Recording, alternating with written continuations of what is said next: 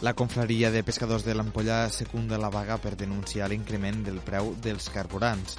Els pescadors de la Confraderia de Tarragona mantenen la vaga per denunciar la pujada del preu dels combustibles. Este dimecres a la tarda se reuniran de nou per decidir si allarguen més dies la protesta.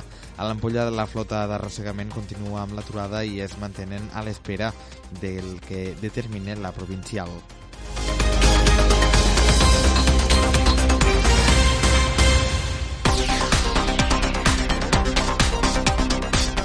L'Hospital Verge de la Cinta de Tortosa atén més de 150 pacients ebrencs amb seqüeles greus de la Covid.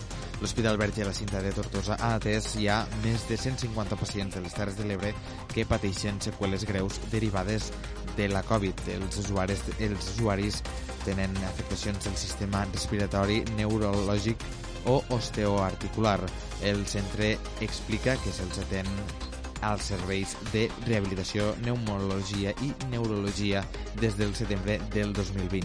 Les principals seqüeles detectades fins ara són lesions pulmonars inflamatòries persistents i canvis fibròtics residuals, fenòmens trombòtics pulmonars, plexopaties i rigideses articulars d'extremitats generalment superiors.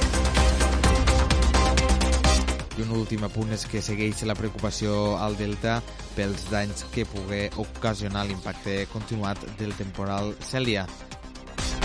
Malgrat de moment no hi ha afectacions importants, el fet és que es mantingui un fort vent de llevant de manera intensa i continuada fa temer que la debilitada costa del Delta de l'Ebre no pugui aguantar l'embat de les onades.